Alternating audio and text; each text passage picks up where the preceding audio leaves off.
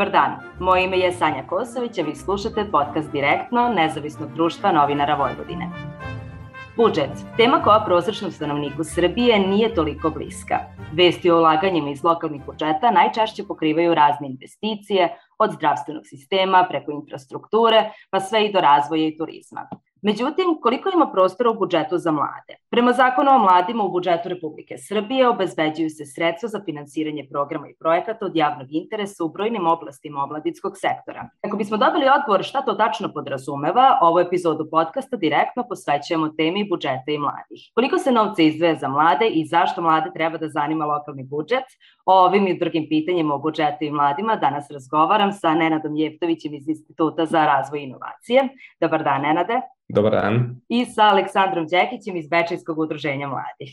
Zdravo, Aleksandre. Dobar dan. U suštini, za početak da postavim pitanje koje je za obojicu namenjeno, a to je jedno veoma opšte, ali važno pitanje, što je zašto mlada uopšte treba da zanima budžet? Pr prvu reč ću propustiti Aleksandru. Suština celog problema zašto mlade, ali i sve naravno druge naše građane treba da zanima budžet, jeste to da je budžet slika e, lokalne politike i lokalnih dešavanja. Znači sve što će se u jednoj kalendarskoj godini izgraditi, a utiče, odnosno ne samo izgraditi, nego sve da kažemo što će se dešavati u jednoj lokalnoj zajednici, e, na godišnjem nivou se u stvari vidi u opštinskom budžetu ili gradskom budžetu i budžet je u stvari prikaz svih e, aktivnosti koje će se dešavati u toku te jedne kalendarske godine i veoma je bitno da građani budu, pre svega mladi, e, na kojima je sve to ostaje, budu upućeni u budžet zato što su tu odgovori na mnoga pitanja, pre svega e, često imamo, sad kako su svi, svi su se preseli na društvene mreže, e, često vidimo različite komentare, fotografije, klipove, tipa na teme rupa na putevima, javne rasvete, nekih drugih komunalnih usluga, divljih deponija, e, svih tih nekih problema, da kažemo, s jedne strane, a s druge strane i možda i potencijalnih želja u smislu da li će se izgraditi sportski teren, da li će se izgraditi neki drugi objekat infrastrukturni, da li će se nešto drugo dešavati u nekoj lokalnoj samoupravi, naravno to se vidi u budžetu. E sad, e, sa druge strane, problematika samog budžetskog procesa jeste u tome što u našem formalnom obrazovanju e, trenutno nemamo e, na taj način približen mladima ceo taj proces vezano za budžet i u smislu da mladi ne mogu da jednostavno uz nekom predmetu konkretno da se upute kako se budžet kreira, znači da li u osnovnoj, možda je prerano, ali u srednjoj školi, znači do sada ne mogu da konkretno prođu kroz neku materiju, iako se naše obrazovanje dotiče svih različitih aspekata društva i različitih tema bitnih e, za zajednicu i razvoj i obrazovanje mlade osobe, taj nekako deo i segment koji je u suštini možda i bitniji od nekih drugih tema, pre svega zato što utiče na život, e, konkretan svakodnevni, E, je nekako preskočen u samom budžetskom procesu, odnosno u samom e, obrazovnom e, sistemu i tom procesu obrazovanja. I tu smo u suštini mi, kada smo se uopšte upustili u ovu temu, prvo smo zadesila se situacija da smo pre više godina radili lokalno istraživanje gde smo anketirali nekih oko hiljadu ovaj, ispitanika putem interneta i, na, i putem javnih prostora, bili smo na pijaci sa štandom, na gradskom trgu i tako dalje. I u tom e, upitniku smo se bavili temama e, javnih financija, korupcije i budžeta. I sad neki onako traumatičan rezultat iz tog našeg lokalnog istraživanja gde smo mi osim mladih obuhvatili i e, druge su, znači sugrađene drugih starostnih dobi, dobili smo rezultat da je više od 50, ja mislim da bilo oko 53% ispitanika u tom momentu reklo da smatra da nema pravo na uvid u lokalni budžet. I taj rezultat je u stvari nama bio E, lampica gde smo mi shvatili da u narednom periodu morat ćemo mnogo više e, nekog našeg e, posla, odnosno pravca aktivnosti i energije da usmerimo u tom pravcu, da se građani jednostavno uključe u u budžet, da razumeju budžet i da shvate kompletan budžetski proces. E sad kasnije ćemo malo više baš pričati o tom participativnom budžetiranju, ali pre toga bih i Nenada da pitam zašto je važno da mladi budu upućeni u budžet i da, da znaju uopšte ovome. Pa zašto je bitno da mladi budu upućeni u budžet?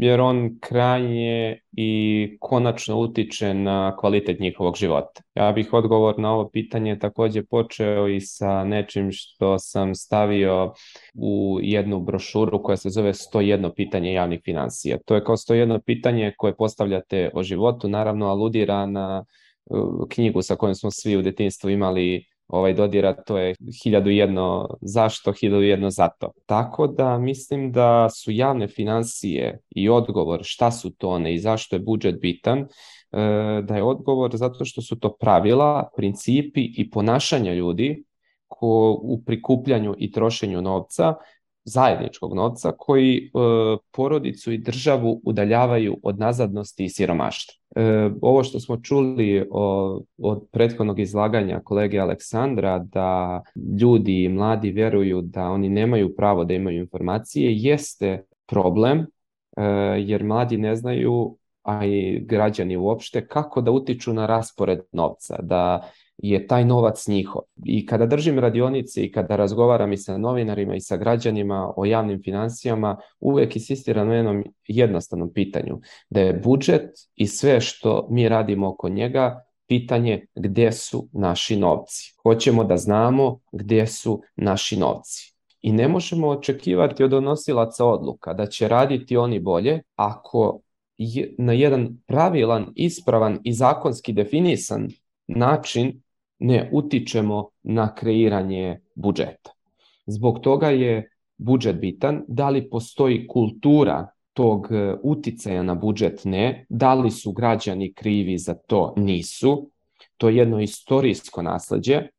Kada pogledate naša moderna država je relativno mlada, kada uzmete na to da je u prethodnom periodu e, nakon drugog svjetskog rata do kraja, to jest početka 90-ih bila jedno kolektivističko društvo, vi onda izgubite osjećaj da je to nešto što je kolektivno u stvari lično i vaše.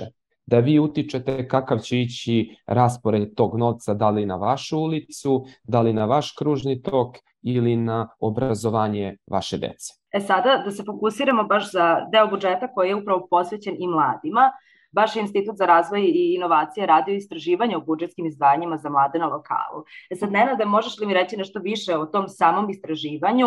Kada je rađeno, šta je bio povod i kako je uopšte rađeno? Dobili smo istraživački zadatak da saznamo koliko se u Republici Srbiji u svim jedinicama lokalne samouprave izdvaja na mlade. Verujem da će vam biti zanimljivo da čujete prvi izazov sa kojim smo se suočili, a to jeste dostupnost podataka. Vi da biste analizirali budžet, budžet je jedan veliki ovaj, dokument, veliki po broju stranica. Da biste analizirali te podatke, najpre morate da imate dostupan budžet. U tom trenutku mi smo analizirali izdvajanja za 2019. godinu na sajtovima javno dostupni podaci jedinica lokalnih samouprava u Republici Srbiji samo 40,6% opština mogli ste otići na njihov sajt, otvoriti budžet u bilo kojoj vrsti dokumenta, da li to bio PDF, Word ili skeniran dokument, pa tako sačuvan u PDF, mogli ste naći samo 40,6% opština. Dakle, to je dve petine su dostupne. Sledeći izazov sa kojim se suočavate kada analizirate izdvajanja za mlade e, nije te tehničke prirode, već e, je e, pitanje kako se izdvajanja za mlade vode u budžetu. Po tom budžetskom linijom imate izdvajanja za sport i omlađe. Da biste saznali šta je sport, šta je omladina, vi morate da krenete u rudarski posao, da svaki taj budžet analizirate u okviru te linije šta je otišlo za lokalni sportski klub, a šta je otišlo za aktivnosti koje se odnose na mlade.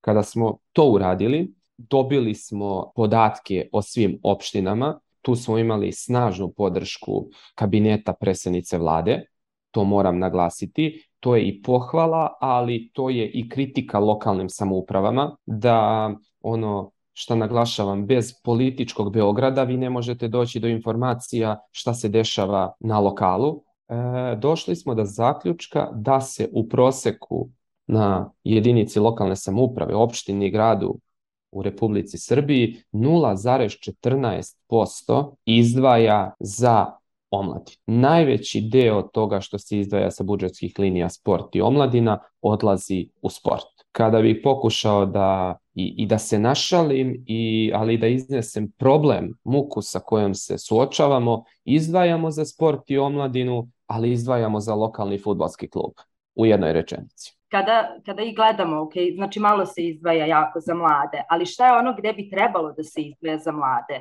Znači, ok, sport jeste važan i slično, ali već ako imamo taj deo koji je namenjen baš isključivo za omladinu, šta je to što bi tre, gde bi trebalo da idu novci? Evo sad pitanje za Aleksandra. E, pa suštinski, e, baš smo u procesu što se tiče konkretno ove tematike, e, Republika Srbije u procesu izrade novog nacionalnog dokumenta baš vezanog za mlade i vezano za konkretne jel, aktivnosti, odnosno šta, će, šta treba sve država da radi u narednim godinama iz, sa finansijama iz ministarstva omladne sporta i iz drugih ministarstva i drugih stranja i kako će ta sredstva da se koristi, šta će se dešava konkretno, ali to je jel, nacionalni nivo, bliže mladima je naravno uvek lokalni nivo, kao najbliža tačka dodira e, države i njenih građana. Evo, konkretno kod nas, na primjer, recimo mi sad smo u procesu E, priprema za izradu novog akcionog plana politika za mlade e, opštine Beče i to je u stvari mesto e, i dokument koji će se izrađivati tako da će se uključiti šira javnost, pre svega naravno i mladi, i to je i u stvari i moment kada treba da se iznesu konkretne teme, ideje, predlozi i aktivnosti koje bi se onda u narednom periodu tokom implementacije tog dokumenta i ostvarile za mlade na lokalu. A ovaj, to je neki znači suštinski pravi put kako e, mladi da dođu do nekih svojih svojih realizacija svojih ideja, tipa u nekim prethodnim periodima su imali neke slične teme, tipa mladi su želeli možda skate park, i onda je u stvari, na primjer, to bio put da se te neke aktivnosti e, slože i pripreme u neku od oblasti lokalnog akcijnog plana, pa onda nakon toga da se obezbede sredstva za to i da se to jel, i realizuje na lokalu. A mi baš tim povodom kao što smo rekao u početku, da fali taj moment e, sa formalnim obrazovanjem. Baš e, danas krećemo, imamo 18 radionica u naše tri srednje škole, gde, gde će koleginica Gordana Adamov e, sa našom ekipom raditi baš radionice vezano za lokalni budžet i generalno za budžet i vezano za antikorupcijske teme, da bi se mladima približilo ovaj, cela ta suština budžeta je da bi se oni zainteresovali za budžet i da bi se uključili u naš proces participativnog budžetiranja koje radimo u Bečeju proteklih e, godina i na taj način da bismo naravno mlade uključile, uključili u rešavanje svojih problema konkretnih i ideja. E sad, Nenade, da li biste vi, da li, da li ti imaš možda nešto da dodaš baš na ovu temu, šta se možda kroz vaše istraživanje prikazalo kao neki primer dobre prakse? Ono što to kada me pitate gde bi trebalo da idu izdvajanja, ja ću biti delimično pristrasan pa reći ovaj, uvek u aktivne politike zapošljavanja ka mladi. I kroz naš rad u Institutu za razvoj inovacije kao ekonomski e, tank, istraživa, e, think tank, e, ekonomska istraživačka organizacija, mi polazimo od toga da najpre mladima E, bi trebalo pomoći u rešavanju pitanja zaposlenja i posla, kasnije kulturnih sadržaja i svega onoga što se nudi na lokalu, pre svega ka njima. Kada pitate za neke pozitivne primere, baš pozivajući se na ovo istraživanje, e, u apsolutnom iznosu, naravno da četiri najveća grada i univerzitetska centra u Srbiji prednjače u izdvajanju, ali kada posmatramo to kao relativni relativni odnos deo budžeta od ukupno koji izdvajate za, za, za mlade, oni koji se izdvajaju kao pozitivni primjeri, moram priznati, meni je to bilo veliko iznenađenje, što znači da istraživači su isto puni predrasuda i samo bi trebalo na podacima da zasnivamo zaključke, jesu Ivanjica, Sevojno i Niška opština Pantelej. Na primer, u Ivanjici taj iznos izdvajanja za mlade iznosi 4%. Kažem još jednom, u okviru tog programa 14 razvoj sporta i omladine. Dakle, iako ponovi, malo pre smo pomenuli da najveći deo ode ka sportskim organizacijama. i u Ivanjici imamo isto prvoligaša i odlazi novac iz opštinskog budžeta ka njemu, ali ipak 4% od opštinskog budžeta se izdvaja za mlade. Kao neki razlog, mogu da predupredim možda vaše pitanje, kao neki razlog toga mislim da je e, dobro razvijena kancelarija za mlade, to ne govorim iz ličnog iskustva, nego po parametrima koje smo takođe pratili, dobro razvijena kancelarija za mlade, jedan od razloga zašto se kvalitetno utiče na donosioce odluka. I to je normalan proces da se donosioci odluka, jednostavno rečeno političari, dovoljno pritisnu i da im se pokaže koliko je interesna grupa zvana mladi ljudi bitna i koliko je potrebno izdvajati za nju. Eto, to su tri primjera na lokalu koji se ističu po relativnim izdvajanjima za mlade. E, e sada, kakva je situacija baš sa Bečem po pitanju, po pitanju toga i sad koliki je bio recimo uticaj sad vašeg, udruže, e, vašeg udruženja i vaših aktivnosti? Pitanje za Aleksandra. Pa konkretno unazad ako premotamo film, znači e, pre više od 10 godina, možda i pa ima, desetak, 12 godina recimo, radili smo istraživanje na nivou pokrajine gde smo radili slično što je kolega ispomenuo, e, mi smo isto prikupljali konkretno pozicije za mlade, izdvajanja za mlade i u tom nekom momentu, ako se dobro sećam, e, izračunali smo da je e, na teritoriji opštine Bečej se tada izdvajalo oko nekih 0,86 dinara godišnje po mladoj osobi, što je bilo onako ekstra alarmantno. Konkretno to je značilo neku, tih nekih, pred ne kažem, nekih 10-12 godina da je opština Bečej tada izdvajala nekih, ako je to bilo oko 300-350 hiljada dinara konkretno i ukupno za poziciju mladih, e, da bismo danas e, kroz te neke zagovaračke aktivnosti i kroz saradnju sa lokalnom samupravom i kroz forsiranje konkretnih tema stigli do toga da e, kod nas budžet za mlade na teritoriji opštine Veče, ako se dobro sećam, za tekuću godinu oko 8 miliona dinara. I e, imamo znači, kancelariju za mlade koja je jedna od boljih u, po, po mom nekom mišljenju možda jedna od najboljih u Republici, e, imamo Savet za mlade, znači imamo sve te neke elemente omladinske politike na lokalu i imamo e, značajna sredstva u lokalnom budžetu, takođe lokalna samuprava raspisuje konkretan konkurs za sprovođenje omladinske politike, to smo isto zagovarali u proteklim godinama da se to e, da se to polako razvija u tom pravcu u kom bi trebalo, tako da konkretno e, uz dobar aktivizam i uz dobro angažovanje, kao i kao što je kolega rekao, e, forsiranje prepoznavanja mladih kao nekog e, faktora i bitnog e, momenta na lokalu, pre svega u našoj sredini kao što je Beče, e, gde vrlo lako možete ostvariti pravo na mađarski pasoš i gde smo mi u proteklim godinama videli da je oko desetak hiljada naših sugrađana se ocelilo da li u inostranstvo, e, takođe i e, pre svega i drugi problem u smislu da mladi kada odu na studije iz Bečeja u Novi Sad, Suboticu, Beograd i neke veće centre, e, jako, jako mali procenat ih se vrati nazad u Bečej, tako da mi imamo taj konkretan problem sa migracijama, odnosno sa odlivom mladih i e, pre svega rešenje za te probleme naravno se ogleda i u lokalnom budžetu koji treba da ima mere u tom pravcu, pre svega i u zapošljavanju mladih koji bi posle svojih studija mogli naći adekvatan posao sa adekvatnom platom u ovako manjoj sredini u odnosu na veće gradove. Vreme jako brzo prolazi i već stižemo pred kraj, pa bih ja baš sada kada si pomenuo, kada si pomenuo rešenje, postavila bih baš pitanje Nenadu, pa kasnije i ti ako imaš nešto da dodaš Aleksandre, a to je šta je ono što je potrebno da se menja po lokalima kada je u pitanju, znači, budžet za mlade, šta su neke preporuke za unapređenje? Naravno, uvek te preporuke možemo podeliti na dugoročne, srednjoročne i kratkoročne. Na dugi rok ono što jedino može ovaj, unaprediti ne samo budžet, nego celokupno naše društvo, ali fokus na ovoj oblasti da građani participiraju u budžetu, jeste da se promeni svest kod građana i to je dugoročni proces. Ono što se često pravi u kreiranju politika, mislim pre svega od civilnog sektora koji utiče na to greška, jeste da se uvek polazi od toga. Promenimo svest i svi su naši projekti od toga da promenimo svest. Da biste promenili svest i najrazvijenijim demokratijama Evrope je trebalo po nekoliko stotina godina da se izgrade jaka demokratska društva. Ali to na dug rok je rešenje. Na srednji ili kratak rok, rešenja koja mislim da bi bila dobra i koja predlažemo, jesu da se uvede minimalni prag za izdvajanja za mlade. Mi predlažemo 3% izdvajanja lokalnog budžeta za mlade, da to bude minimum.